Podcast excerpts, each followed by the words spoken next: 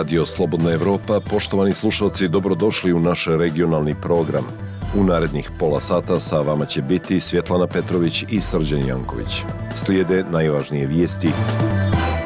Tenkovi njemačke proizvodnje Leopard u Ukrajinu dolaze krajem marta ili početkom aprila, kazao je novi njemački ministar odbrane Boris Pistorius. Predsjednik Ukrajine Volodimir Zelenski je pozvao Zapad da pošalje projektile dugog dometa i borbene avione.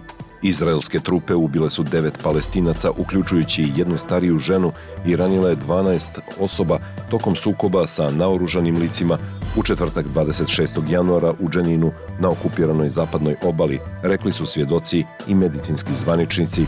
Premijer Kosova Albin Kurti je izjavio da sporazum o formiranju zajednice opština sa srpskom većinom nije prošao test Ustavnog suda Kosova.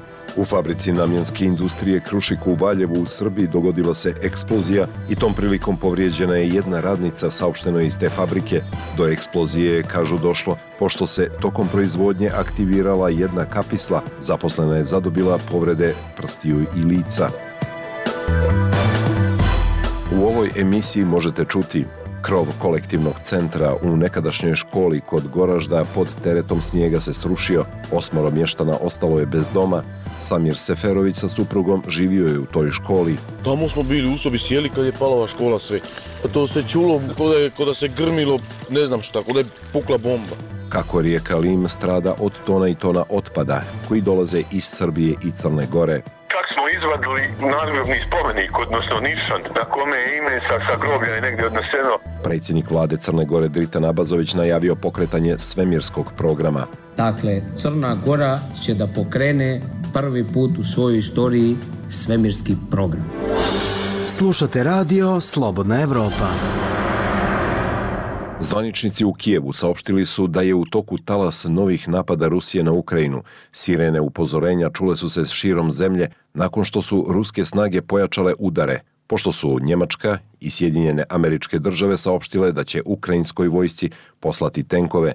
Njemački ministar odbrane Boris Pistorius izjavio je da će biti isporučeni prije kraja marta, prenosi Miljana Miletić. Električna energija preventivno je isključena u delovima Kijeva, Odesi i Dnjepropetrovsku zbog opasnosti usled raketnih udara, saopšteno je iz ukrajinske elektrokompanije DITEK.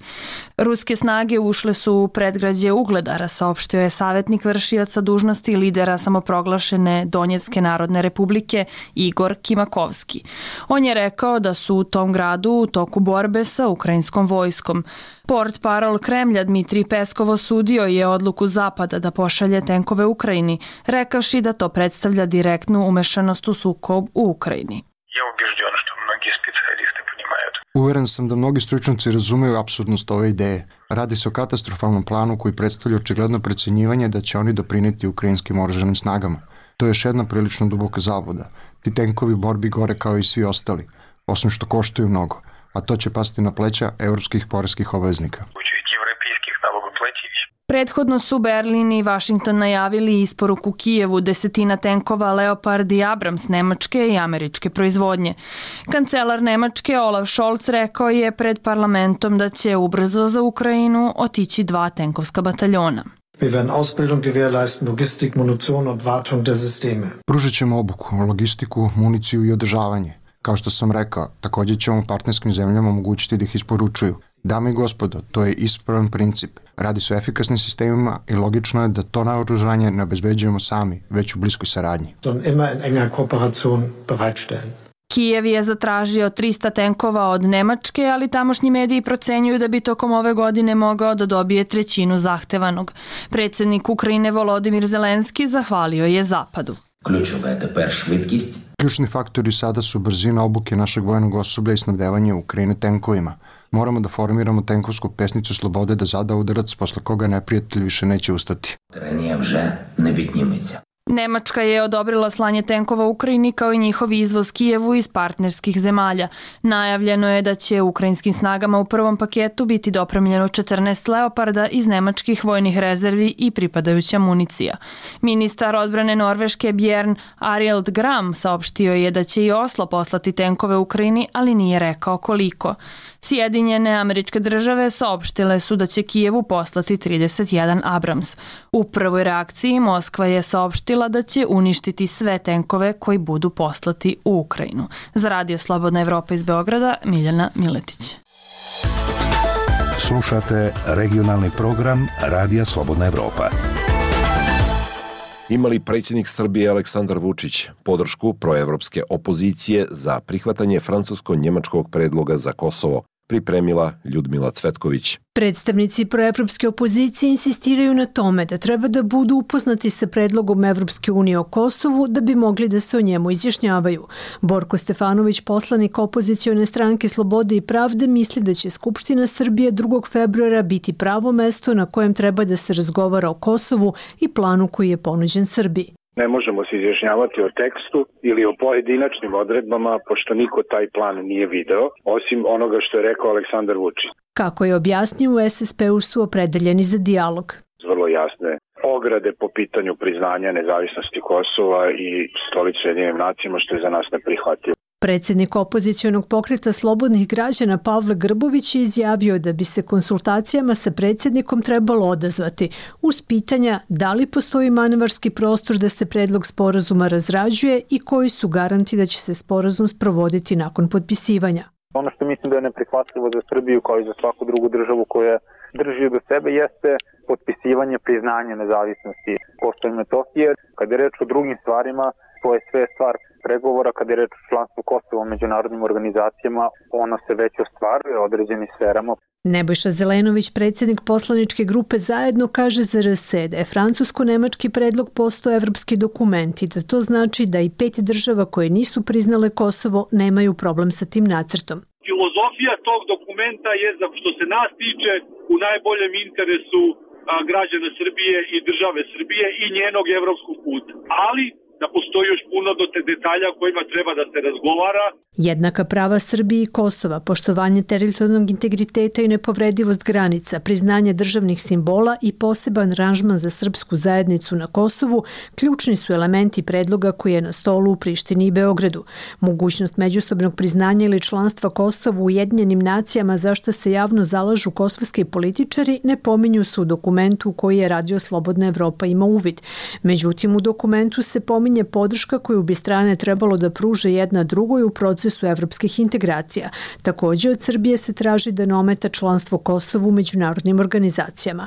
Miroslav Aleksić, šef poslaničke grupe Narodne stranke, kaže da su njihovi poslanici spremni da razgovaraju, ali da u ovom trenutku ne znaju o čemu. Ja očekujem da narodni poslanici E, budu upoznati detaljno sa tim predlogom i da na tački dnevnog reda bude stav Srbije, odnosno naš e, okvir pregovarački za dalje razgovore. On kaže da bi crvene linije za Beograd trebalo da budu Ustav Srbije i rezolucija 1244. Odgovarajući zašto je Vučić tražio podršku opozicije s obzirom na to da ima većinu u parlamentu i vlast u svojim rukama, da oko sporazuma sa Kosovom pregovara kao i do sada, Stefan Vladisavljev iz nevladinog Beogradskog fonda za političku izuzetnost ističe da širok konsenzus oko rešavanja pitanja Kosova jeste neophodan. Do njega verovatno dolazi prekasno, ali ovo je također još jedan od alata kojima se može doći do nečega što sutra možemo nazvati podeljena odgovornost Nespremnost opozicije da uzme aktivno učešće oko pitanja Kosova, kako kaže, vidi u tome da ne žele da pregovaraju sa Srpskom naprednom strankom i Aleksandrom Vučićem.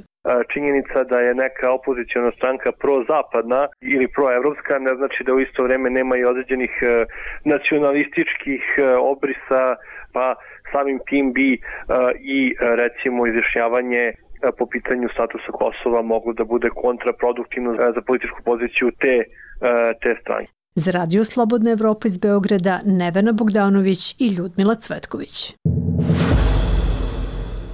Rijeka Lim ponovo je plutajuća deponija, sve do brane Potpeć u Priboju, jer se u njoj nakupio otpad iz svih šest opština Crne Gore i Srbije kroz koje prolazi.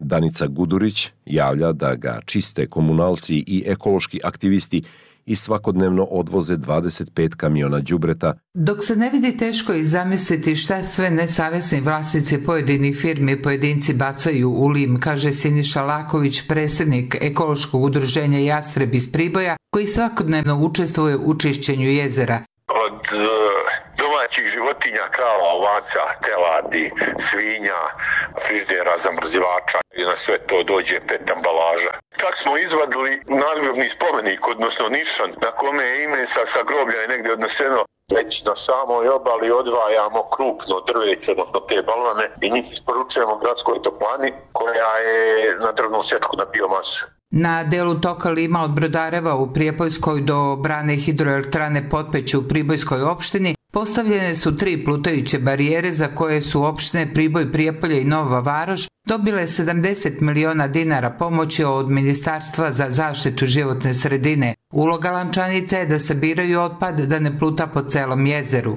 U januaru pre dve godine gomila plastike i drugog otpada preplavila je Potpećko jezero, što je tada ugrozilo i rad turbina hidroelektrane Potpeć, pa je iz jezera izvučeno oko 10.000 kubika raznog otpada. Nakon toga zatvorena i divlja deponija Stanjevina na ulasku u Prijepolje, koja je godinama bila jedan od najvećih zagađivača. Laković kaže da sada najveća količina otpada stiže iz Crne Gore. Jer mi prosto u Bijelom polju imamo uh, industrijsku zonu na samoj obali Lima. U Beranu imamo dva auto otpada na samoj obali Lima, koji sve to što ne mogu da prodaju su tu plastiku, uh, rezervare, branike, krovove, sve to lagiraju na obali Lima, čim se podigne nivo Lima, sve to stigne nama. Mi imamo ovdje, izvadili smo primjera radi e, branik sa, sa, sa kompletnom tablicom uh, rožaje. Sa 52 divlje deponije u slivu Lima tokom prošle godine izvučeno je oko 1500 kubika smeća. Priboj i Bijelo polje su potpisale sporazum o međugraničnoj saradnji koji će doprineti zaštite Lima. Finansiran iz IPA projekata, ovaj program će Bijelom polju omogućiti nabavku dve barijere za hvatanje i usmeravanje plutajućeg otpada na reci Lim, koje će se postaviti na gornjem i donjem slivu reke Lim koja protiče kroz opštinu Bijelo polje. Ukupna vrednost projekta je oko 366.000 eura, a za priboj iz projekta stiže dodatna oprema, pojašnjava Željko Ječemenica, direktor javnog komunalnog preduzeća usluga Priboj.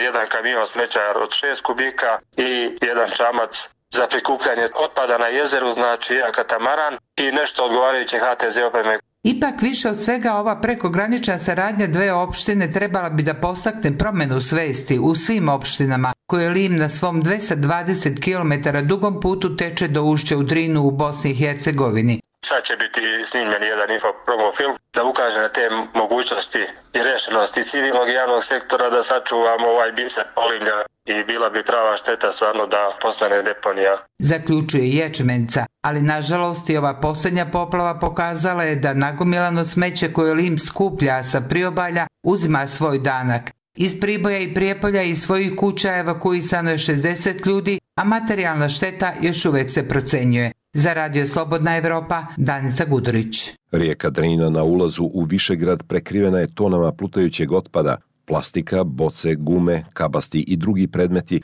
nakupljeni su iza barijere postavljene pred branom hidroelektrane na Drini. Prizori su zastrašujući, a mediji iz cijelog svijeta izvještavaju o ovoj ekološkoj katastrofi. Problem je prisutan već decenijama, a aktualizovan je sa svakim novim padavinama i povećanjem vodostaja rijeka, Slušamo Šejlu Ibrahimović. Višegodišnji problem sa otpadom iz tri države kulminirao je na jednoj od najljepših bosansko-hercegovačkih rijeka. Drina, na ulazu u Višegrad, potopljena je tonama otpada. Blizu 10.000 kubnih metara otpada donijele su pritoke Drine iz Bosne i Hercegovine, Srbije i Crne Gore, kaže Darko Milisavljević, jedan od radnika hidroelektrane na Drini, koji svakodnevno čiste otpad. Ovo je sad došlo novembr, ovo sa smeće a očišćeno je bilo nekad marta pri mjesec. Prošle godine je očišćeno, znači bilo čisto. Najviše drva, ovo što ima smeća plastike, to je na površini, a sve ostalo se drva, drveće. O posljedicama ljudskog nemara danima govore svjetski mediji. Novinar italijanske državne televizije Giuseppe Rizzo danima izvještava iz Višegrada. Vidjeli smo ove nevjerovatne prizore i pomislili da trebamo doći i govoriti o ovom problemu. 300 metara smeća pluta i to je zaista nevjerovatno. Ovo je najveća ovakva deponija u ovoj regiji i zato je važno da govorimo o tome. Možda svi zajedno u Evropi možemo doći do rješenja. Problem se ponavlja godinama. Početkom 2021. došlo je do ekološke katastrofe. Uslijed pucanja barijere smeće se nataložilo na brani hidroelektrane i ugrozilo njen rad. Dejan Furtula, aktivista ekocentra, godinama upozorava na razmjere problema i uništavanje čitavog ekosistema. Smatra da je problem plutajućeg otpada moguće riješiti, samo je potrebna volja sve tri države. I već su pričali sa građanima uh, i oni kažu da ne bi bio problem da se uh, recimo poveća uh, cijena odvoza otpada, kada bi ljudi znali da će vam biti e, pravilno tretiran, upotrebljen, recikliran i za 50-60 odsto e, po domaćinstvu, ali da, da, da znamo da ima nekog pomaka. Znači država isto mora da se ozbiljno uključi Predstavnici tri države su se sastali u aprilu 2019. i formirali mješovitu stručnu komisiju. Zbog pandemije nisu imali nikakvih aktivnosti. Posljednji razgovor u januaru 2021. zaključen je formiranjem radne grupe. Potom je došlo do stagnacije u rješavanju problema, kažu u resornom entitetskom ministarstvu. Jovana Borovčanin Đurević iz opštine Višegrad kaže kako najveći dio otpada dolazi rijekom Lim iz pravca Priboja i Prijepolja gdje je najviše nelegalnih deponija narušava se jeli, životna sredina, a o njoj dosta govorimo i jako je značajna, posebno za turistički grad kakav je Višegrad. Mi radimo na rješavanju tog problema, ali zaista ne možemo sami. Aktivisti upozoravaju i na odgovornost ljudi. Ono što je, da kažem, fascinantno kod našeg naroda, to je bukvalno svuda. Oni bukvalno kod da namjerobiraju sve veće litice da otpad ovaj, odloži, odnosno ovaj, baci da se on ne vidi jako teško ga je pokupiti. Bukvalno je potrebna teška mehanizacija. U ekocentru kažu da bi se problem mogao sistemski riješiti popisom svih deponija uz Drinu i njene pritoke, te njihovom sanacijom ili zatvaranjem, kao i postavljanjem videonadzora. Za Radio Slobodna Evropa iz Višegrada, Šejla Ibrahimović. Prije nekoliko dana krov kolektivnog centra u nekadašnjoj školi u Podhranjenu kod Goražda, nakon što je godinama prokišnjavao pod teretom snijega se srušio. Bez smještaja je ostalo osam članova romske zajednice koja već desetak godina živi u ovom naselju. U toku je rješavanje njihovog smještaja. Alem Bajramović. Prilikom pada dijelova krovne konstrukcije Nusret Seferović, 84-godišnja koji se kreće uz pomoć štake, nalazio se u unutrašnjosti objekta. Priča nam kako je pukom srećom prošao bez težih povreda. Umalo što nismo poginuli. Umalo što nisam poginuo iz škole. Pala da škola na nas, na vani znači spavam, ima, ima toliko vremena. Vidim, pao je. Ja sam stao malo nutra da vidim da neće još spati. Jedva su me oni vukli, boga mi iz ove zgrade. Pošto sam ja čovjek i valid. Ono, on je bio unutra. Pošto sam ja čovjek bez noge, slabo vidim, slab, molite da me pomognete, ja ne mogu ovako. I Samir Seferović sa suprugom živio je u školi. Pa tamo smo bili u sobi sjeli kad, kad je palova škola sve. To se čulo kod da, kod da se grmilo, ne znam šta, kod je pukla bomba. Škola u Podranjenu nekoliko kilometara izvan Goražda već deseta godina služi kao kolektivni centar za članove romske populacije. Četiri porodice sa ukupno 35 članova u novembru 2019. godine uselile su se u manje stambene objekte izgrađene u neposrednoj blizini škole. Program stambenog zbrinjavanja Roma tada su realizirali Ministarstvo za ljudska prava i izbjeglice Bosne i Hercegovine i grad Goražde.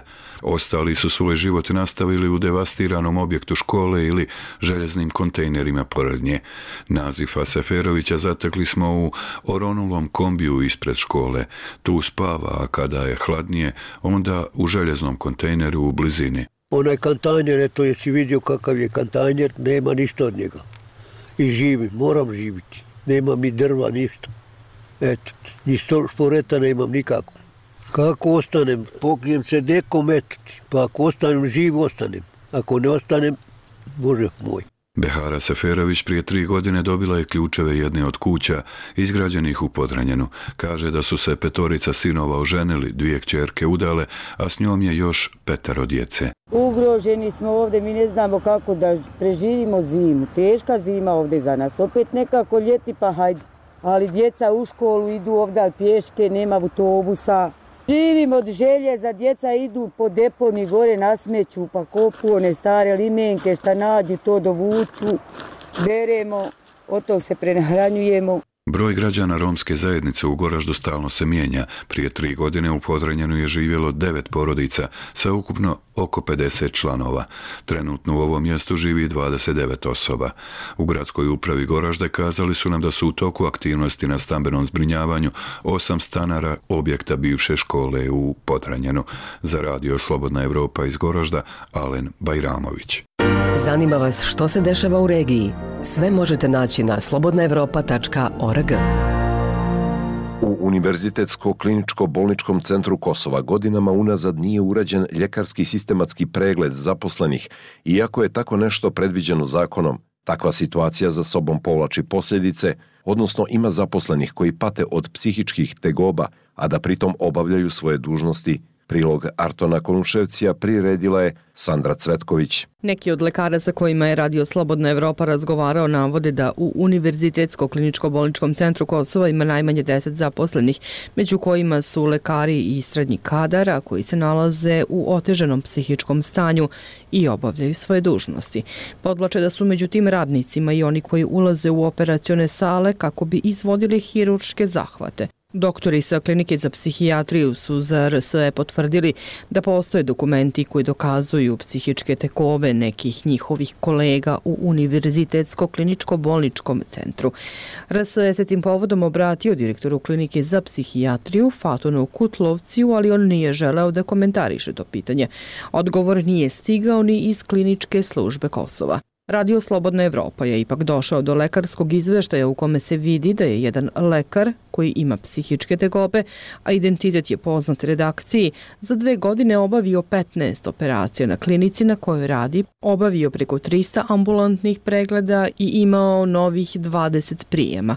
Nadležni na klinici za hirurgiju ZRS kažu da su upoznati sa takvim slučajevima, ali ne žele javno da govore na tu temu, pošto, kako kažu, ne postoji dokument koji dokazuju da oni imaju dijagnozu.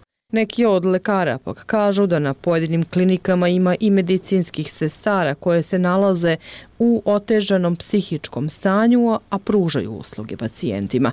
Kako kažu, najmanje po jedan takav slučaj postoji na klinici za radiologiju, vaskularnu hirurgiju, psihijatriju, anesteziologiju, ali i na drugim odeljenjima. Predsjednik Lekarske komore Kosova, Pljeura Cediju za Radio Slobodna Evropa, također potvrđuje da ima lekara sa dijagnozom mentalnih bolesti i da uprkos tome rade. Det er en bara ne je edin. Imamo podatke o najmanje dva takva slučaja. Svesni smo da s obzirom na pritisak koji trpe lekari, takvi problemi mogu da nastanu, ali te slučajeve ne treba stigmatizovati. Tražili smo informaciju nadležnih institucija koje su potvrdile tako nešto kaže se i Diju. Ovako nešto se dešava, ocenjuje dalje on kao posljedica nepoštovanja propisa i zakona o radu. Podlači da je posebno problematično to što se ne rade sistematski pregledi. U zakonu o bezbednosti i zdravlju na poslu se navodi da je poslodavac dužan da zaposlenog pošalje na lekarski pregled pre raspoređivanja na radno mesto u posebnim uslovama, odnosno da se utvrdi njegovo zdravstveno stanje, fizičke i psihičke sposobnosti. Prparim Beriša, predsjednik sindikata zdravstvenih radnika u Univerzitetsko-kliničko-bolničkom centru, također je upozna da ima osoblja lekara i medicinskih sestara sa psihičkim tegobama. Dodaje da se ti slučajevi nisu prijavljivali ni jednoj instituciji koja se bavi tom problematikom. Što Moguće je da se ne prijavljuju zbog stigme, mada mislim da je to pogrešno. Trebalo je prijaviti te slučajeve. Nije dobro čekati da nam neko ukaže na grešku pa onda reagovati, kaže Beriša. RSE se povodom navoda da u Univerzitetsko-kliničko-bolničkom centru rade lekari sa psihičkim tegobama obratio upravnom odboru te institucije, ali do sada odgovor nije stigao. Za radio Slobodna Evropa iz Prištine, Sandra Cvetković i Arton Konuševci. Ovo je regionalni program Radija Slobodna Evropa. Slušajte nas svaki dan u 18 i 22 sata.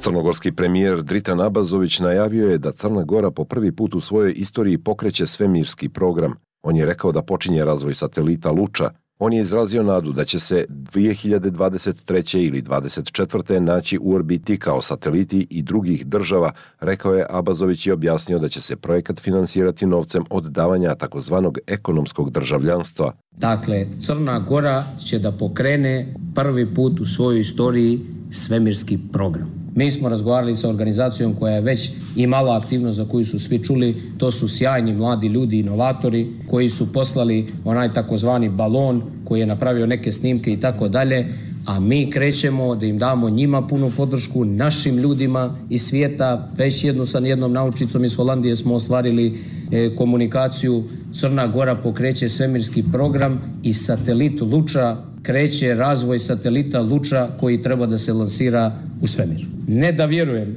nego sam 100% siguran da ćemo u relativno kratkom vremenskom periodu biti svjedoci da će se i naš satelit Luča, vjerovatno manji, sa manjim mogućnostima dotoka informacija, naći u orbiti. Bio je to premijer Dritan Abazović, a istovremeno jednom od najvećih zdravstvenih centara u Crnoj Gori, institutu Simo Milošević, prijeti stečaj zbog duga između 30 i 40 miliona eura. Zaposleni rehabilitacionog centra iz Igala kod Herceg Novog i uprava od vlade Crne Gore traže avans od milion i 200 hiljada eura za trenutno prevazilaženje finansijskih problema. Kakva je sudbina instituta, koji je decenijama jedan od najpoznatijih centara zdravstvenog turizma na Mediteranu, Slušamo u prilogu Lele Šćepanović. Račun instituta dr. Simo Milošević u Igalu je u više navrata bio blokiran u poslednje vrijeme, a radnici su 24. januara primili plate za novembar prošle godine. Ukoliko ne dobiju finansijsku pomoć od vlade prijete radikalizacijom protesta, predsjednica sindikata Marija Obradović je na protestu 24. januara rekla da zaposleni strahuju od uvođenja stečaja i traže 1,2 miliona eura od vlade za prevazilaženje trenutnih problema. Mi nismo gubitnici koji traže državnu pomoć. Dugovi kojima je institut opterećen nisu posljedica nerada ili lošeg poslovanja, nego više decenijske nebrige prvenstveno države. Obradović je dodala. Ulica nije naš izbor, nego nužda u egzistencijalnoj borbi. Povodom zahtjeva zaposlenih ministar financija Aleksandar Damjanović je 16. januara za Hercegnovsku televiziju kazao Što se tiče direktne državne budžetske podrške društvu koje je u državnom vlasništvu, to je nemoguća misija dok ne dobijemo posljedno mišljenje agencije zaštitu konkurencije, niko ovdje neće kršiti zakon. Iz te agencije Radio Slobodna Evropa je potvrđeno da je 25. januara stigao zahtjev za državnu pomoć. Načelnik sektora Mirko Rajković je rekao da će odluka o toj pomoći biti donijeta u zakonskom roku od 15 dana. A povodom strahovanja zaposlenih od uvođenja stečaja, ministar Damjanović je kazao. Nije ovo vrijeme olako uvođenih stečajeva koje su radili nekad u prirodnom sudu po narudžbi za 100 ili 200 evra se uvede firma od 10 ili 20 miliona u stečaj, pa se poslije krčme ta imovina. Drugačije je malo a, i stečajni, odnosno privredni sud promišlja o ovim stvarima i oko stečajnih razloga, prati vlada aktivno priču, neće pustiti institut, Institut je u većinskom vlasništvu države Crne Gore, dok četvrtinu akcija koje je 2018. godine kupio za oko 2,8 miliona eura ima crnogorski privrednik Žarko Rakčević preko preduzeća Vile Oliv. Privatizacija instituta je ponovo aktualizovana nakon što je Upravni sud u septembru ove godine presudio da je nekadašnja DPS vlada nezakonito poništila poslednji tender. Inače, bivša vlast je u više navrata pokušavala da proda institut, ali je propalo svih pet tendera. Na poslednjem tenderu je jedini ponuđač za kupovinu bio Češko-Crnogorski konzorcijum koga čine kompanije Pilbert i Vile Oliv. Oni su ponudili 10 miliona eura i u socijalni program skoro 28 miliona za investicije. Privatizacije instituta se međutim protive i sindikat i menadžment, e, tvrdeći da taj zdravstveni centar treba da ostane u vlasništvu države. Za nas je neprihvatljivo da se aktualizuje tema privatizacije, a posebno po absurdnoj cijeni, uprkos značajno većoj posljednjoj procjeni vrijednosti instituta od 120 miliona eura. Ministar Damjanović je podsjetio na odluku Upravnog suda i tim povodom kazao tu odluku moramo da ispoštujemo i da nastavimo pregovore sa partnerom, to je jedna strana priča, druga strana priča je tekuće poslovanje i ogromne dubioze koje ima institut. Znate sami da je strateški cilj da se sačuva institut eh, eh, za državu Crnogoru. Institut čine četiri smještajna objekta sa preko 1200 kreveta u sobama i apartmanima sa većinskim pogledom na more, ali i 23 hektara zemlje na ulazu u Bokokotorski zaliv. Od 70. godina prošlog vijeka institut u Igalu je imao ugovore za liječenje pacijenata iz Švedske i Norveške. U institutu je do sada boravilo preko 50.000 pacijenata iz Norveške. Iz Podgorice, za Radio Slobodna Evropa, Lela Šćepanović.